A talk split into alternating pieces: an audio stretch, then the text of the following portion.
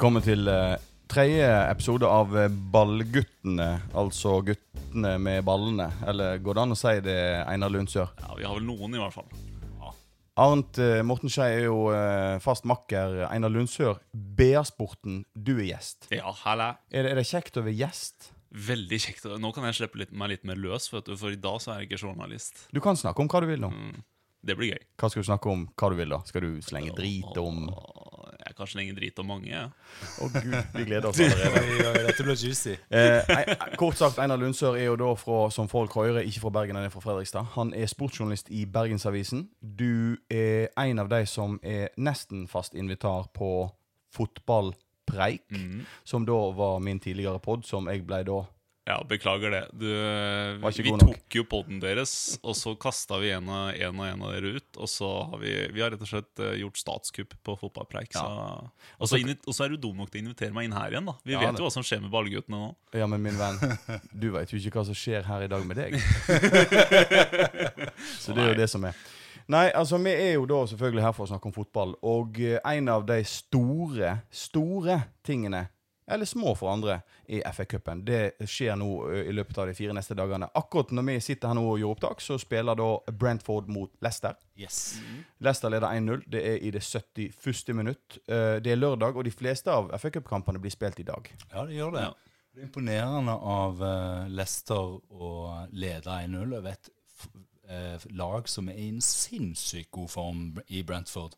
Eh, så dette ser lovende ut. Kanskje Leicester tar FA-cupen i år. Ja, for Før vi begynte, så nevnte du at kanskje vi ser Brantford Brentford i Premier League neste år. Ja, jeg har fulgt de nå ganske tett de siste to månedene. Jeg er veldig imponert over den utviklingen klubben har hatt. De er veldig stabile, utrolig gode hjemme, spiller en fantastisk fin fotball. Eh, Jeg tror Leeds skal passe seg med snakk om fem poeng her. Hva sier du, eh, Einar? Ja, det, det jeg egentlig syns er mest interessant eh, og egentlig mest fælt med Brentford, er, eh, er at stadion skal bort. Griffin Park. Vi diskuterte den jo rett før vi begynte her. Det er, eh, det er et kunststykke av en stadion. Og det er, er vel siste år med Griffin Park. Tror du at det er de som har hatt parturkort bak de stolpene, er like enig? Eh, nei, helt sikkert ikke. Men det er, det er en stadion som er Den er bygd på sånn gammelt, vakkert vis med noen etasjer tett inn på banen og masse stolper, og den er, den er intim og fin. Ja, Men er det noen andre spennende oppgjør i helga? Får vi noen cupbomber? Nei, gudene vet. Det er jo, jeg, ikke sant, Nå har laget mitt røket ut av FA-cupen, og da, da kan det være samme skitt. Da kan det være altså. samme dritten. Og hva er ditt lag, Einar? Wolves. Å gud, West Midlands. Ja da, men dette vet jo de som har fulgt uh, fotballpreik, at uh, det var jo West Midlands som, som styrte, eller som Ja, nå er det ikke alle, da, men styrte fotballpreik. Uh, Jan Gunnar Kolstad er jo da eh, Aston Villa, og Einar er Wolves, og jeg var Birmingham. Eller jeg er Birmingham. For et Muppet Show. Det var Muppet Show, altså. Ja, det- Helt vanvittig. Men eh, et spennende oppgjør, uh, Ant Morten, er jo et ganske historisk oppgjør. Og så vidt oss bekjent, så er, har dette aldri skjedd før. Nei, Her må jo lytterne korrigere oss, men uh, jeg har i hvert fall aldri fått med meg at, uh, at et uh, hjemmelag skal spille bortekamp på sin egen stadion. Og, og egentlig så høres jo det ganske sånn eh, eh, si, uskyldig ut. Men Coventry da, som da har kommet i, i disputt med eieren av Ryco Arena, låner jo Birmingham City sin stadion på St. Andrews i år. Eh, og selvfølgelig, av de 64 lagene man kan plukke ut, så plukker de jo Coventry som et hjemmelag av hatten mot Birmingham City i fjerde runde i FA-cupen. Og dette, det som skjer, er jo at logistikken her blir veldig sånn rar. sant? For hvem skal bruke hjemmepuben? Hvem, sant? Ja, men, men, men det er ikke kødd engang. Altså. Også, eh, det å selge pølse ut for Hvem har franchise til det på denne hjemmekampen? Er det Coventry eller Birmingham som kan gjøre det? Hvem skal ta parkeringsplassen til manageren denne kampen? Ja, men hvem fanden? Det er jo, det er jo, vårt, det er jo vår hjemmebane. Nei, nei, nei. nei. Nei, det er jo ikke det. Eh, det. Vet du, Manageren diskuterte dette i går kveld, og det det endte opp med, var at ingen bruker manageren sin parkeringsplass på denne kampen. Det Så- Skjønner dere logistikken her? Og så har du jo denne greien med eh, hvem skal ha bortegarderoben? Sant? Å, og det er faktisk Birmingham som da har bortegarderoben i denne kampen. Og så har du dette med fordeling av billetter. Sånn, Hvordan gjør du det? Skal du fylle opp bortestadion med den vanlige allokasjonen, eller er du, måte, finner du en annen fordelingsnøkkel? Så her, her har det vært mye greier, eh, men det ender iallfall opp med at det har fått utrolig mye fokus, så vi får en full stadion til kampen i dag.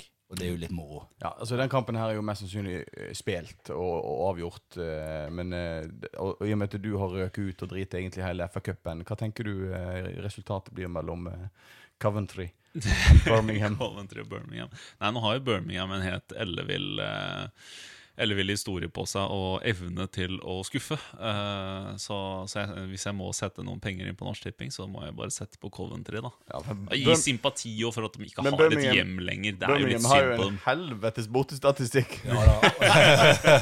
og så er det jo bare ti plasser i forskjell. Hvis Ja. du glemmer dette med, med divisjonsforskjeller og sånne ting, og så kikker du på hvor Coventry ligger på tabellen, og hvor Birmingham ligger, og da er det ti plasser. Ja, for St. Andrews har jo virkelig vært en lykkestadion for Coventry, i motsetning til de som faktisk spiller. Da.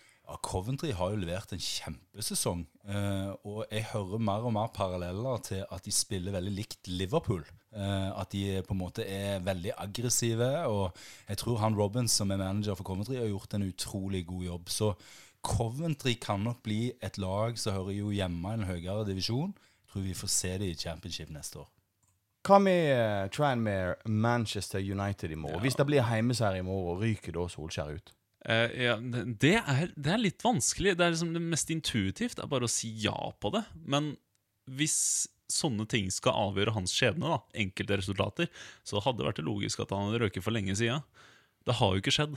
Jo, men det har vel en lang, altså det har jo en gang slik at det er jo, er jo slik at, at eh, tålmodigheten varer så og så lenge. og selv om du har en plan lag er han, hva, for noe lag er han stille mot Tranmere? da? Han kommer jo til å stille med masse guttunger fra akademiet og gudene vet hva. Altså, det er jo ikke Jeg er litt usikker på hvor mye eierne gidder å, å legge vekt på det. Det er ikke noe særlig penger å hente Men der. etter heller. tapet mot Barnsley, etter tapet mot Liverpool Selvfølgelig, de har jo en plan. Og, og eieren har jo gått inn med dette med åpne øyne. Det er jo, det er jo, det han, det er jo derfor han er så trygg. Han hadde ikke vært så trygg. Han hadde kjøpt spillere i vinduene hvis han hadde vært utrygg om å levere. Så det er jo et eller annet som ligger bak her. Ja, altså Mine vurderinger her er at eh, hvis United ikke hever seg nå spillemessig altså Det som er, det som er kritikeren vil si her, er jo at her er det mange unge spillere i utvikling. Men hva slags utvikling har vi fått? Altså Hvis du tar de siste to månedene, er laget fremdeles i utvikling, eller er laget i ferd med på en måte å, å egentlig eh, eh, få en eh, vanvittig nedtur? Det er klart at eh, Solskjær avhenger av å vise at det prosjektet hans det er en utviklende prosess. Eh, men jeg tror de svelger unna at det blir femteplass istedenfor fjerdeplass. Men Men er det det, er klart, det er fire poeng ned til Newcastle, som ligger på en fjortendeplass, 14.-plass, er det det? Ja, det kan være noe sånt. Det er tett, det er tett nedover. ja, men er tålmodigheten altså Nå har du snakket om et halvt år i sin første, første fulle sesong, da. Man kan jo si at det er to leire her uansett. Altså man kan si, Jeg personlig jeg skjønner ikke hvorfor Ole Gunnar Solskjær fikk den jobben i det hele tatt. Det er for meg helt ubegripelig at en stor klubb som Manchester United ansetter Ole Gunnar Solskjær, som egentlig ikke det? har klart å bevise noe særlig i hele sin managerkarriere. Har vunnet et par gull med Molde, som han kjøpte og betalte, og vel så det. Ehm, og så er det en annen ting med det at det er veldig lett å vise til historien. Så, altså for eksempel hvis du drar tilbake til Sir Alex Ferguson og sånne ting. Altså, det var jo, han hadde jo ikke gode resultater med United. Det var voldsomme svingninger. Tok medalje i ett år, så var han ned på 11.-12.-plass etter en sånn året etter. Altså, det er ikke det er ikke sånn at du, du bygger suksess på ett år lenger. Nei, De gode klubbene har ikke gjort det. Nei, men så er det sånn at når manager har vært veldig lenge Jeg tenker jo Et godt eksempel òg er Arsene Wenger. Altså han, Vi ser Ja. jo Arsenal som er i ferd med å gjøre akkurat det samme som United gjorde etter Ferguson. Arsenal har mista seg sjøl, da. Mm, de har det. Og nå er vi jo inne på noe veldig spennende. Og det er jo at det ble jo eh, eh, Det ble stifta en ny klubb eh, her eh, i forrige uke. Eh, som et resultat av den frustrasjonen med at man flytter stadion eh, fra eh, Highbury til eh, Emirates, og at man da eh, eh, har eh, fått ut Wenger, og selvfølgelig da den kapitalist, kapitalismen som ligger i Premier League. Og i den forbindelse så ble det jo oppretta en ny klubb. Eh, vet dere navnet på klubben? Dial Square? Dial Square Vet dere hvorfor han heter Dial Square? Nei. Eh, når vi, vi må jo gå tilbake igjen til slutten av 1800-tallet her. Jeg tror jo at Arsenal ble stifta i 1886, og da het de Dial Square. Så dette Og blir det jo som er greia er at Nå foregriper du begivenhetene, for at vi skal snakke om Dial Square etterpå. Men det er helt rett. Det er opprettet en klubb. Hvor mange sånne klubber er det? Eh, det skal vi telle opp etter denne lille greia her.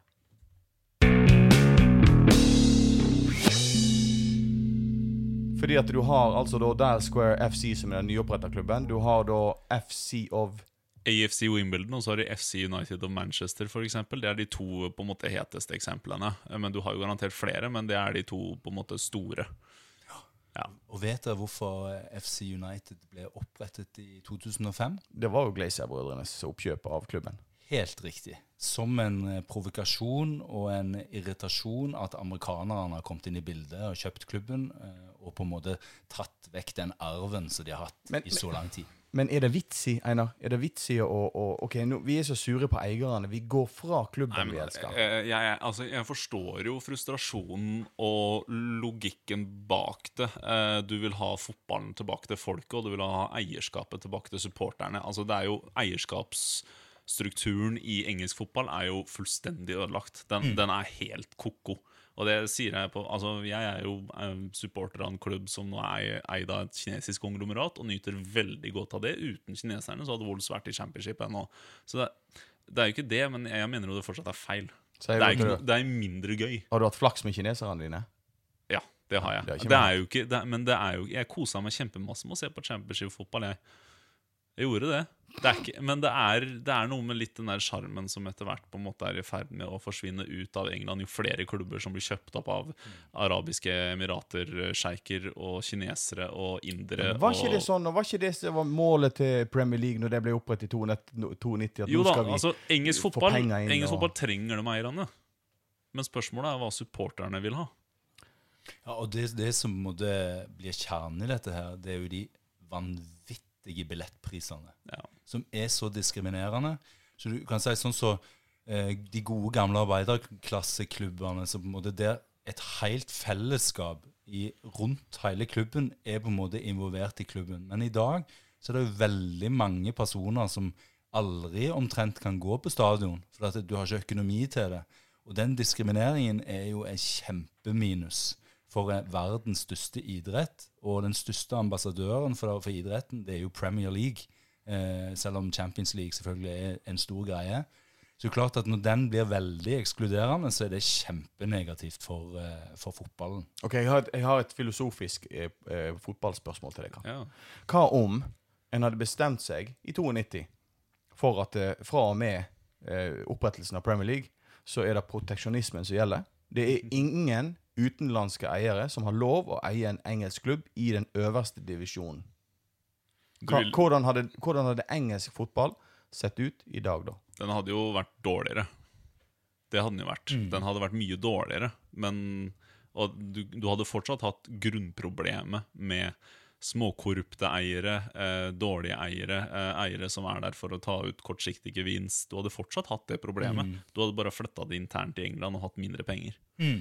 Og Det er litt verre med kinesiske eiere, som i vårt tilfelle han som satt i fengsel i mange år. Mm, ja, sånne ting er jo kjempeproblematisk. Der klubben nesten, selv om selvfølgelig ingen dokumentasjon på dette, og det skal vi være fryktelig glad for, men det var en hvitvaskingsløsning. Du, Vi skal ta en ny, uh, ny FA Cup-kamp uh, som vi spiller i morgen uh, etter denne fine her.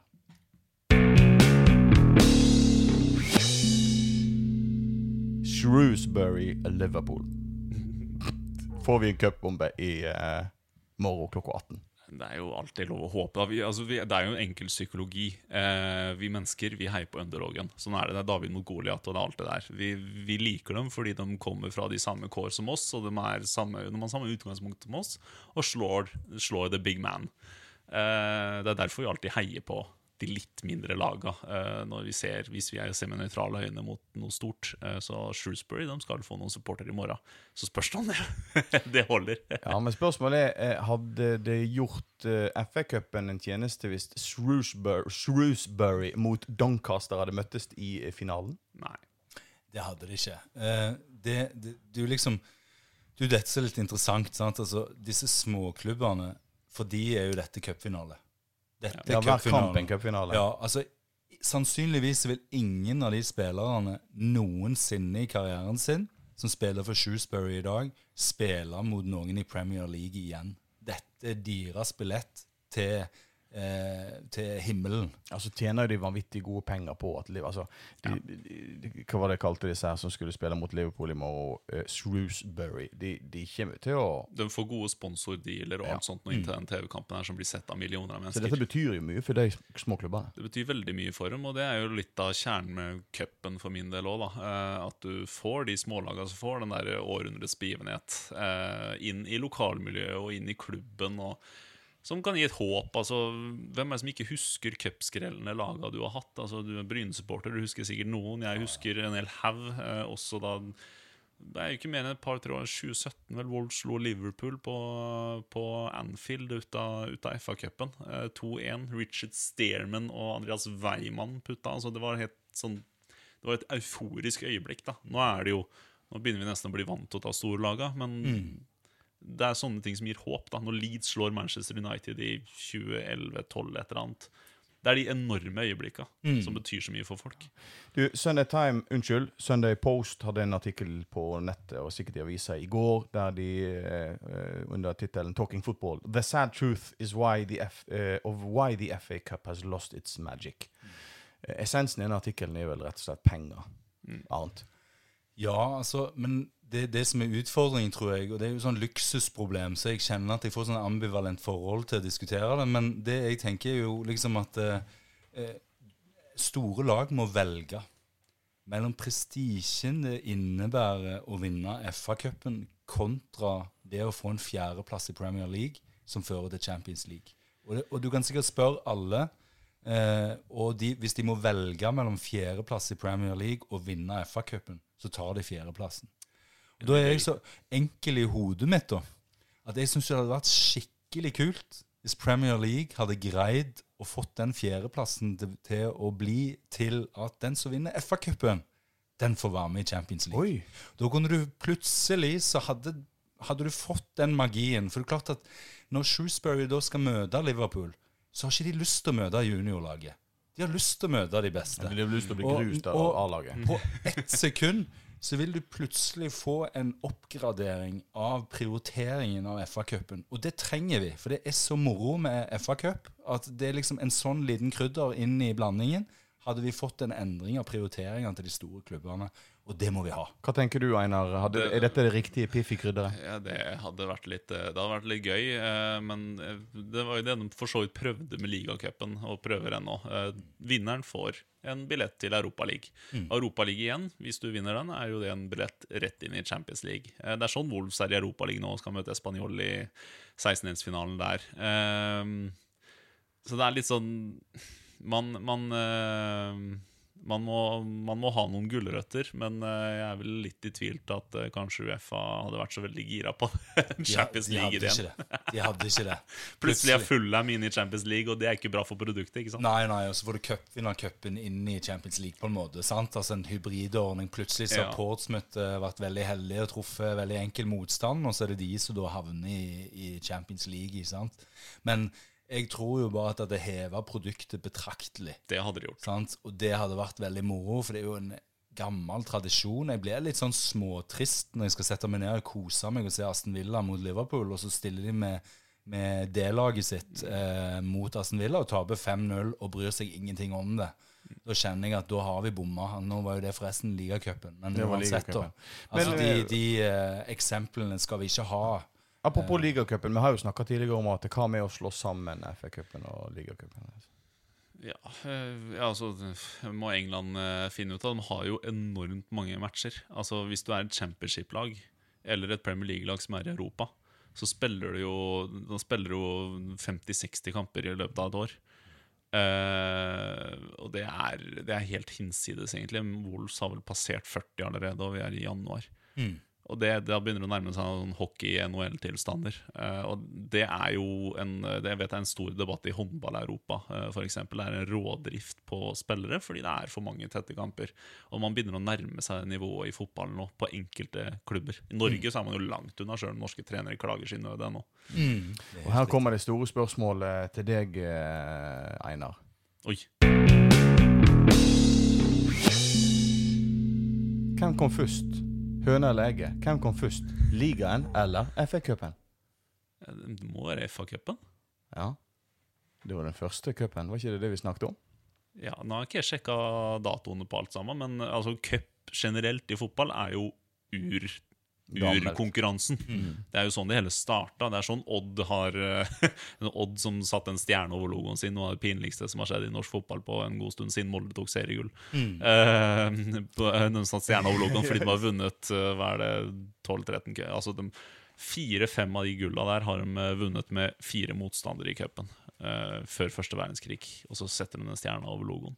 Rart at de ikke nevner det så veldig ofte. Nei, de gjør ikke det.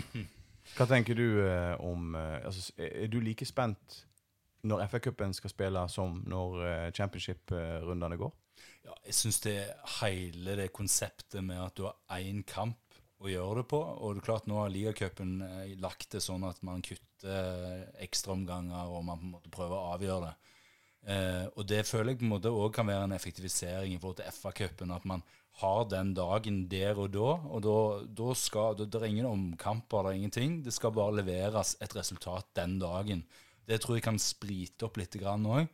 Eh, jeg har veldig sansen for det. Og det er klart, cupeventyr er jo veldig sjelden når Birmingham City-supporter får gleden av. Så det er klart at jeg ble jo helt våt når jeg tenker tilbake på 2011, og vi klarte å slå Arsenal 2-1, og det ble liksom den eh, Ja. litt sånn eh, siste sikkert eh, eh, eh, Siste pokalen vi får inn i skapet sikkert de neste 50 årene. Og det er klart, sist gang var jo på 60-tallet. Så eh, Nei, det er de der, der, de øyeblikka der. Altså, Pengelaga vinner serien til slutt uansett. Men ethvert lag kan vinne det forbanna cupgullet. Og hvis du tar fra dem det, hvis du tar fra dem æren av å vinne det cupgullet, så tar du jo vekk eh, livsgleden fra folk òg, som er i Birmingham eller i West Brom eller i eh, Fulham eller whatnot. Fordi de vet at de vinner ikke serien de neste 20 åra. Det skjer ikke. Du må vinne noe annet. så får du sånne helt, sånn, helt andre øyeblikk enn du vil få i, i serien. Sånn som Jeg husker at Birmingham for veldig mange år siden spilte mot eh, Blythe Spartans oppi, langt oppe i Nord-England, helt på grensa til Skottland. Og det var helt stappfullt på tribunen. Og Birmingham sine supportere fikk i andre omgang da keeperen til Blythe. Eh, og han hadde nok spist mer pølser enn det som er vanlig for en toppidrettsutøver å gjøre. Og det ble altså sagt, slengt så mye utsagn til den keeperen at de klarte å psyke han litt ut. eh, og Birmingham faktisk med flaks vant 3-2 den kampen. Også, men det det endte opp med, som er helt nydelig, er jo at keeperen går og gir bortefansen som har sjikanert han, eh, en klem. Og så eh, ender det opp med at bortefansen står og heier og synger navnet til keeperen. Og det syns jeg var nydelig. Og det er sånn cup-moment. Ja, Det vakreste med norsk fotball er jo cupen. Når du har første runde og andre runde i cupen, og det er folkefest rundt i bygdene. Det er vakkert. Mm.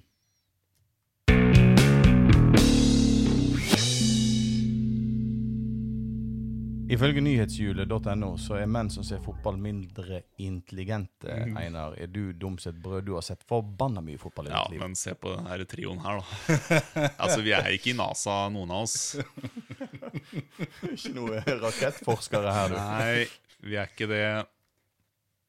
Nei, altså det Jeg vet ikke, jeg. Ehm, jeg skulle likt å sitte den forskningsrapporten, og jeg kjenner at jeg tar ikke det for gitt, altså.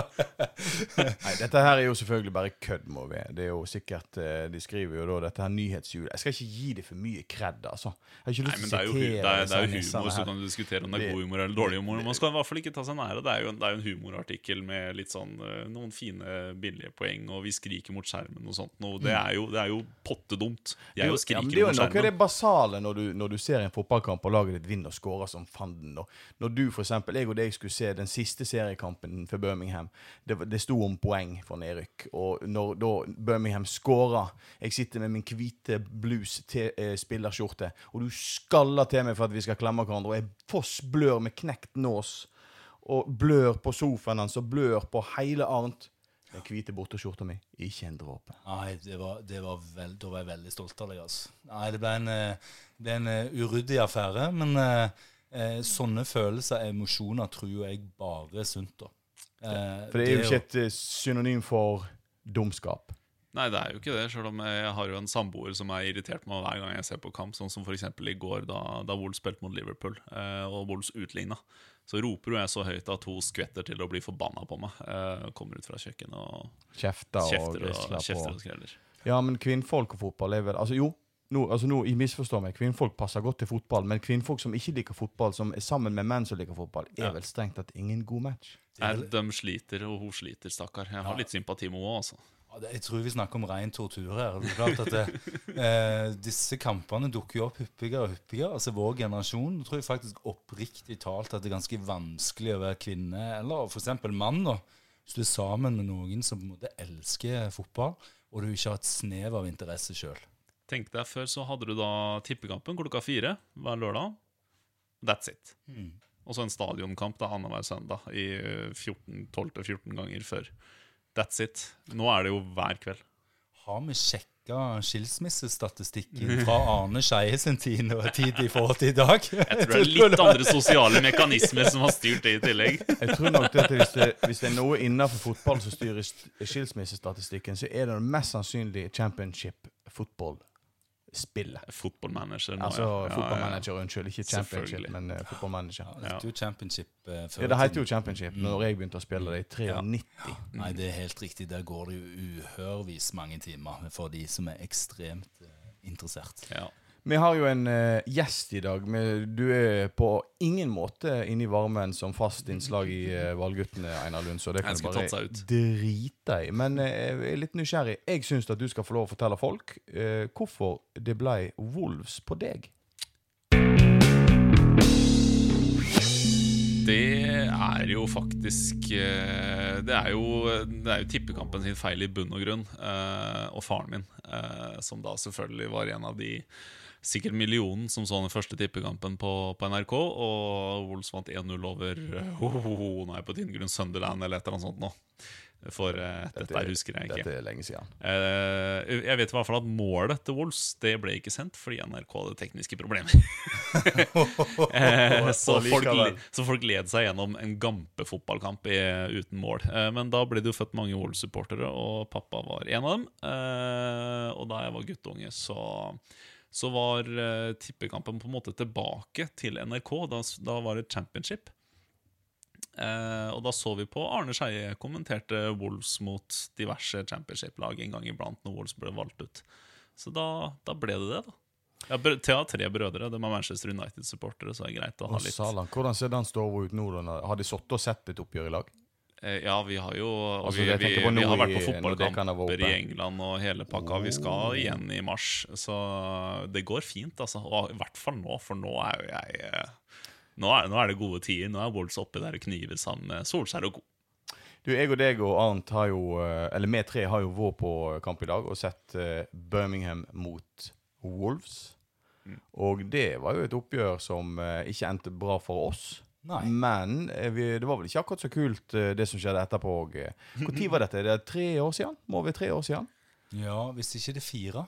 Da Fire sesonger siden, i hvert fall. Mm. Hvis vi skal dra gjennom kjapt, så var det slik at vi gikk fra stadion, så var det altså 1000 politibiler, holdt på å si, 1000 politifolk med politibiler fullt ut ikledd eh, antiterrorutstyr, Mm. og, og skulle geleide da Wolves-fansen fra eh, St. Andrews og ned til fotballstadion. Rett til togstasjonen. Eh, Togstasjonen, ja. togstasjon. Og så eh, tenkte jo vi det at hei, nå er vi home free. Nå gikk vi forbi det, rett rundt et hjørne. Gikk rett i trynet på en Wolves hooligans. Og fra der og til da byen, så var det altså gatekamper i to kilometer. Ja, for det er jo et veldig interessant uh, konsept. da De står i et par kilometer og skiller med en voldsomt oppbundet politi, men plutselig stopper bare sperringene.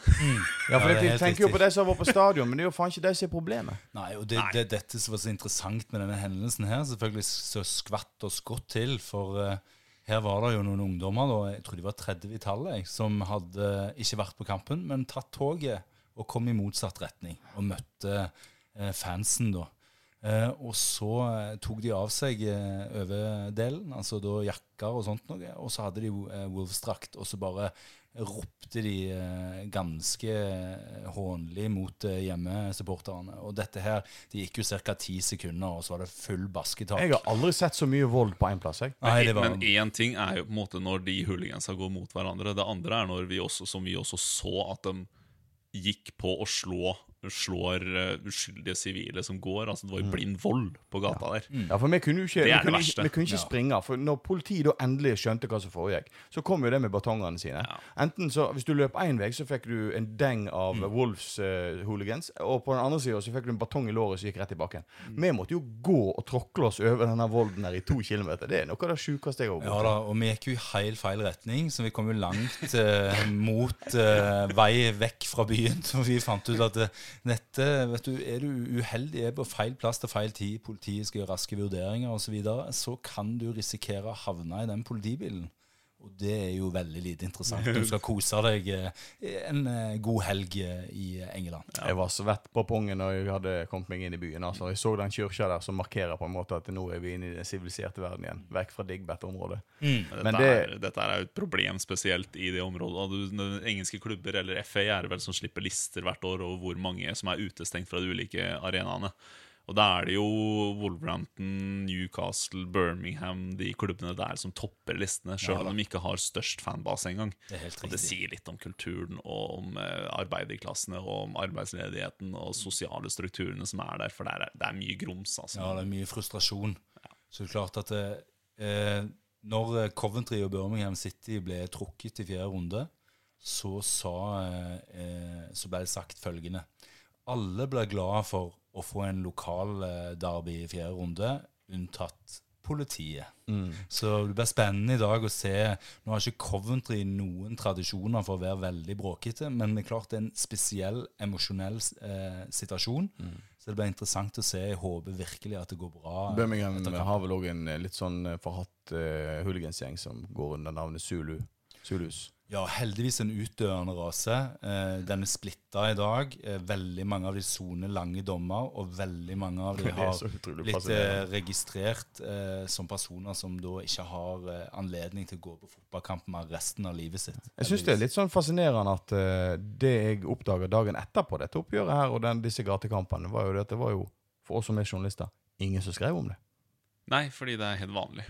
Ja, og, det, og det er litt skremmende. altså, det var jo da, da norsk fotball var på, var på høyden nå, eh, starten av 2005-2010, så var det også helt vanlig med hooliganskamper. Det var jo masse politioppbud også mellom Brann og Vålerenga og sånt nå her i Norge.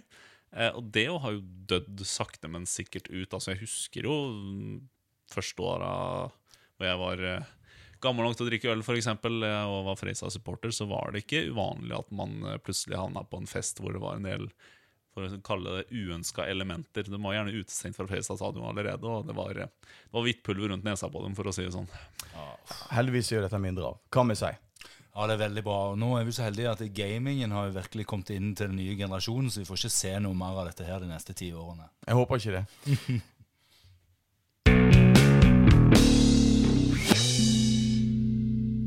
Dette er jo en uh, fotballpodkast. vi snakker om fotball, og når vi sitter på en lørdag og snakker om fotball, så drikker vi selvfølgelig øl. Mjød. Mjød. Øl. Men uh, før vi avslutter eh, FA Cup-debatten, så uh, tenker jeg at vi skal ha en liten uh, tipperunde her. Hvem som vinner FA Cupen denne sesongen? Eh, Einar. Er jo fryktelig dårlig på tipping. Eh, men vi skulle Jeg, jeg forsto det litt sånn på det at eh, du må ta én outsider. Du, må ha, du kan ha en topp seks, men du må ha en outsider. Du må ha en black horse. Ja. Ehm, jeg eh, Litt sånn, litt sånn De kan ha en sånn cuplagaktig framtoning denne sesongen her. Chelsea. Oi! Chelsea. Chelsea. Har du en black horse? Det er, Eller den, er det black det, er, det, det er liksom det trofeet de kan ta. Eh, Se for meg at Lampard kan, eh, kan gire opp litt på cupen. Tenk om Lampard hadde klart å vinne altså, i sin første sesong. Fantastisk for Chelsea hvis de hadde fått det på plass. Kan hende må røke for høll da før, eh, før eh, folk hører den podden her. Da er jo det tipset ganske, ganske ræva. Ja. Men uh, har du en black horse? Eh, det er nesten Chelsea, da. Men uh, hvis du skal ta en skikkelig black horse uh, Nei, da kan vi jo gå for Vi kan gå for den vi også skal kanskje snakke litt om, da Newcastle. Oi, oh, sweet. Arnt Morten, ditt uh, FA Cup-vinnertips. Nei, altså det er jo en, eh, en manager som er grådig når det kommer til å hente trofeer. Og det er jo herr eh, Guardiola. Han ser jo at dette Premier League-mesterskapet, det kan han drite i. Eh, Liverpool er helt sinnssvak for øyeblikket. Eh, Jeg tror at han stikker av med FA-cupen. Eh, Black Horse. Black Horse for meg er jo et lag som jeg må si jeg bare digger. Det er liksom sånn jeg vil at Birmingham skal være. Eh, det er Burnley. Eh, Burnley? Ja, ja, ja, ja. Vet du hva, nå ble jeg, Jeg nå ble begynner å jeg, lure nå. nå ble jeg Altså. nesten forbanna. Altså. Altså. Det er et lag som både er verdens beste i akkurat det de driver med. Og det de driver med, kan vi jo si mye rart om. Men eh, Sean Dyche og eh, FA Cup-seier De må jo bare slå Norwich i kveld, eh, eller i ettermiddag. Så, Ja, er de, eh, så blir det femte runde på de, og da kan alt skje. Jeg tror mest sannsynlig, gutta, at Liverpool vinner FA-cupen i år. Jeg tror de tar han. Men jeg har en black horse òg. Det er det laget som spiller akkurat nå.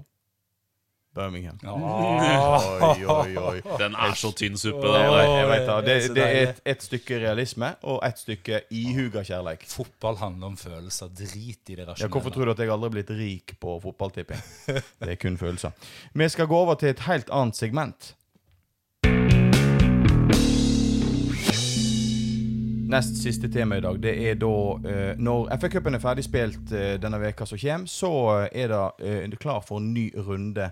Eh, første kamp eh, i neste serierunde av serien vår, altså Premier League, så er Westham Liverpool på onsdag allerede.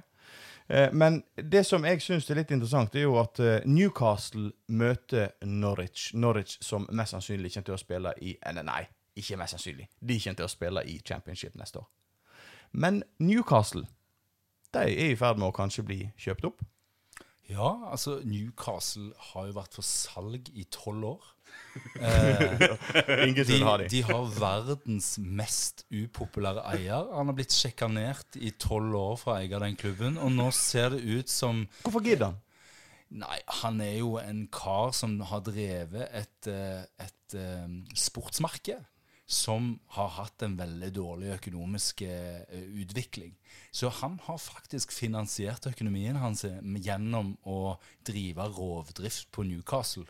Sånn at eh, han har hatt klare økonomiske insentiv og tatt ut det han kan, eh, og akkurat klare å holde Newcastle oppe i Premier League. Det har liksom vært eh, målet. Men så har han jo en egen evne til å finne disse managerne da, som klarer å gjøre gull ut av gråstein. Og det ser ut som Steve Bruce faktisk er den mannen som har klart å gjøre det samme i år. Og da betyr jo det at klubben er mer salgverdig. Det er han. Og nå har, virker det som de har funnet kanskje den ultimate eh, nye eieren. Og det er jo eh, Saudi-Arabia sitt statlige fond, som da kommer inn i bildet her og legger noen heftige 300-400 millioner eh, pund på bordet her for å kjøpe Newcastle. Og det er klart at det, her snakker vi finansielle muskler. Alle Newcastle-fans de kan begynne å drømme litt. Grann. Her er mulighetene uendelige. Akkurat som at Norge, oljefondet, skulle ha gått inn og så kjøpt eh, Arsenal. Mm, Bare at, bare at oljefondet er litt mer restriktive på pengebruk på investeringsobjektene sine, tenker jeg, enn det Saudi-Arabia er. Viktig poeng å ha med. Um, holdt på å si, det er jo Oljefondet eier vel halve Oxford Street, så Ja, det, jo, det er litt det mer sikre halve penger. Mm. England, så det er jo helt greit. Um, det er et oppgjør òg til helga uh, som skal da være på lørdagen. Uh, Manchester United Wolves. Mm. Herregud, hvor mange ganger har de to lagene møtt hverandre bare denne sesongen? Og hadde telt opp nå fem ganger. Jo, helt, De er jo begynt å bli bestekompiser. Ja, du kan Eh, tro. Det, men det har gått veldig bra, da. Eh, Det skal jo sies. Det er For- vel, for det kan. eh, Ja. Eller for, for, for ditt lag. Ja, jeg tror det er to Wolves-seiere og to uavgjort, og så er det da et tap i omkamp i FA-cupen eh, sist nå. På Trafford. Jeg syns det var veldig spesielt den dagen jeg skulle se den kampen. Jeg og deg så jo den kampen, eh, returoppgjøret. Men litt tidligere på kvelden så var jeg litt sånn eh, etter en halvstressa dag. Slo på TV-en for at jeg visste jo at det skulle være kamp. Og shit, de begynte jo litt tidlig. Satte meg ned, koste meg, hørte, så på kamp. Heia og grisla på og syntes det var jævla bra. Og så gikk nå de og lunta ut av banen 0-0, og han her kommentatoren drev og snakket om at ny omkamp. Så ringte jeg til Morten og sa du, er det begynt med sånn to omkamper i det der cupen? Og da hadde jeg sett på reprisen. Ja, det var, det var, nesten, var nesten som å ta fram den famøse episoden i NRK. Det er jo tippekampen der Oi, det ble det skåret et nesten tilsvarende mål som forrige mål, sier kommentatoren. eh, Sølve Grotmål, Ja, var det eller? Ja, det, var det, Sølve Grotmål, eller var det Johnsen? I hvert fall så Og så var det jo selvfølgelig da klarte han å hente seg inn igjen da han skjønte at det var reprisen som ble sendt. Vi skal eh, avslutte Ballguttene. Vi har et lite tema. Vi tenker at vi kanskje går uh, utenlands. Vi har vært utenlands ganske lenge, men eh, nei, vi er i England. Det er heimelandet vårt. Ja. Hvor, eh, hva tenker vi om eh, hva var det, fem mål på Braut Haaland i sitt, eh, sin nye drakt? Se, det var utenlandsk. Det er jo veldig utenlandsk. Tyskland, for fasen. Ja, det, det ser jo ut som han har valgt, eh, valgt rett, da, for å si det mildt. Eh, det, er jo, det, er, jo- det, er jo helt, det er jo helt sjukt. Det skal ikke gå an. Er, det er jo under timen han har spilt. Men hva som er gjør at den mannen plutselig har begynt å skåre så vanvittig? Nei, han var jo god i Molde. Ja, men ikke, han var jo ikke så god. Og han var god i det Han der var andre. ikke så det god. andre? Jeg husker ikke det hva det er. Eh, han var jo god. Du så at han hadde et rått talent, men det var voldsomt uferdig. Og så har de gjort en helt åpenbart da, en helt fantastisk jobb med nede i, nede i Red Bull, Salzburg. Salzburg, ja. ja. Det heter jo Red Bull, for de eier jo en haug med lag, gjør ikke de? Eh, jo, eh, hva heter det, det tyske laget de har? ja, så har de jo Leipzig, Leipzig, ja. som leder tysk Bundesliga for øyeblikket. Eh, ja. Men de har gjort en helt fantastisk jobb der, fordi måten han opptrer på på banen nå, er jo eh, Altså, i, i Molde så så det ut som han liksom mangla litt den der fotballforståelsen, timinga. Du så at han var sterk, hadde fart, hadde en viss teknikk. Men det var voldsomt uferdig, da. Nesten som en sånn type sånn afrikansk import som kommer til Norge. Og så har han dratt ned der, og du ser at han, han timer løpet. Han er hele tida i bevegelse, oppsøker rom på en helt annen måte enn han gjorde da han spilte i Norge. Mm. Hva tenker du, Arnt? Eh, Skal vi være veldig premature og tenke hva er det neste steget for en spiller som Braut Haaland? Nei, altså Jeg må jo bare først legge inn at jeg, nå er jo jeg verdens stolteste for at jeg er fra Jæren. Når jeg liksom får en sånn ambassadør som Braut Haaland, som Det er vel du som er formann òg, da. Ja, som midtspotstopper i eh, et eller annet Jæren-lag du spilte. Altså, jeg tenker jo at han kanskje, hvis han fortsetter i dette tempoet her, så blir han kanskje en av de mest spennende spissene i verden, eh, sånn som dette her er. For det er klart at det, når du spiller 59 minutter med fotball, og du kan skilte med fem mål i debuten, og det som er mest skremmende, du har 81 000 Debuten sin, da. Ja, og så 81 000 Tre mål i debuten. Ja, det er helt sprøtt. Og så spiller du eh, din første hjemmekamp eh, på, eh, i Dortmund med 81 300 tilskuere. Og så er du helt uberørt. Du bare tripper inn der, koser deg, skåre to mål eh, som det mest naturlige i hele verden. Maken. Eh, Altså, jeg bare Jeg, jeg, jeg ble helt sjokkert. Nerver av stål må jo ha. Ja, så jeg tror jo han eh, kommer til å være i Dortmund i ganske mange sesonger før det blir aktuelt med noe skifte. Men den verdien til den gutten, hvis han fortsetter sånn, da tror jeg vi kan sprenge alle rekorder.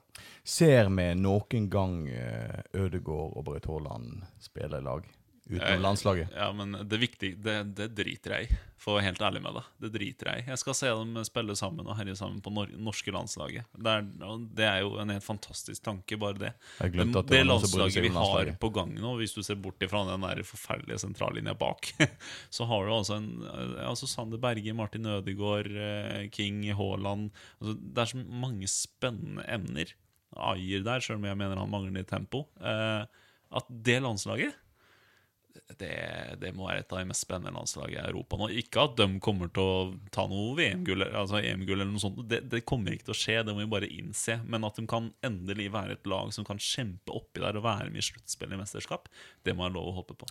Nå sitter Arnt Morten eh, og tripper. Eh, han, eh, jeg sitter og ser på kampen. Arnt Morten får ikke sett kampen. Nå er Coventry Birmingham begynt. Vi er nødt til å avslutte denne ballgutt-greia. Dette var en fin greie, Arnt. Ja, det var veldig kjekt å ha Einar på besøk. Det er en kunnskapsrik, eh, flott mann. Så det er klart Oi. det er en stor kontrast til den jeg pleier å sitte i studio med, studio med fra uke til uke. det er veldig hyggelig. Jeg, jo, eh, jeg, hadde jo en sånn eh, tradisjon tro et spørsmål til Einar hver gang vi hadde fotballpreik i BA. Hvordan går det med Fredrikstad? Ja, ikke sant. Ja, hvordan går det med Bryne? Nei, det, la oss, det er samme regler. La oss ta det en annen podkast. Ja, ja, Nei, vi avslutter for denne gang. Vi skal kose oss med cupkamper. Det er jo da fullt mulig å og følge oss på Spotify. Ballguttene er på Spotify, folkens. Det er bare å trykke. Vi er òg på Facebook. Hvis de har lyst til å skjelle oss ut for at vi har vært komplettidioter her i dag, så er det bare til å gå inn på Ballguttene på Facebook. Søk oss opp, ganske enkelt. B-A-L-L, jeg kan ikke si det engang. Men uh, uansett, uh, vi er lett tilgjengelig, og vi har tenkt å fortsette. Ja, og del podden til alle som elsker fotball. For her, Og så kommer du, før du vet ordet av det, så sitter du i studio sjøl med oss. Du vet hva gjestene får lov å gjøre når de er på Lindmo og Skavlan og sånn? Hva gjør de da? de reklamerer for eget produkt. Ja, men, men altså er det noen som får lov å synge på slutten, men der kan du bare drite i. Ja, men hva er det du vil Du, du, du har jo Du, du må høre på Ballgutten, og så må du høre på Fotballpreik hvis du bryr deg om Brann. Hvis du ikke bryr deg om Brann i hele tatt, da holder du deg unna. Nei, for vi har jo egentlig tenkt å holde oss unna uh, Brann, har ikke vi det? Jo, vi har tenkt det. Ja, men ja. da hører du på fotballpreik på B. Ja. Hvis du vil høre på Ballguttene og litt engelsk fotball, og meg som knoter og, og, og, og sier feil, og Arnt Morten som er den ihuga historiske sjelen her, som vet underbuksestørrelsen på en eller annen fucking spiller fra 1967, så eh, hører du på oss. Og hvis du vil høre på Brann, god, god oppsummering av Brannkamper, så eh, søker du opp fotballpreik. Og det er da rett ifra Bergensavisen, der vi jobber. Takk for i dag. Takk.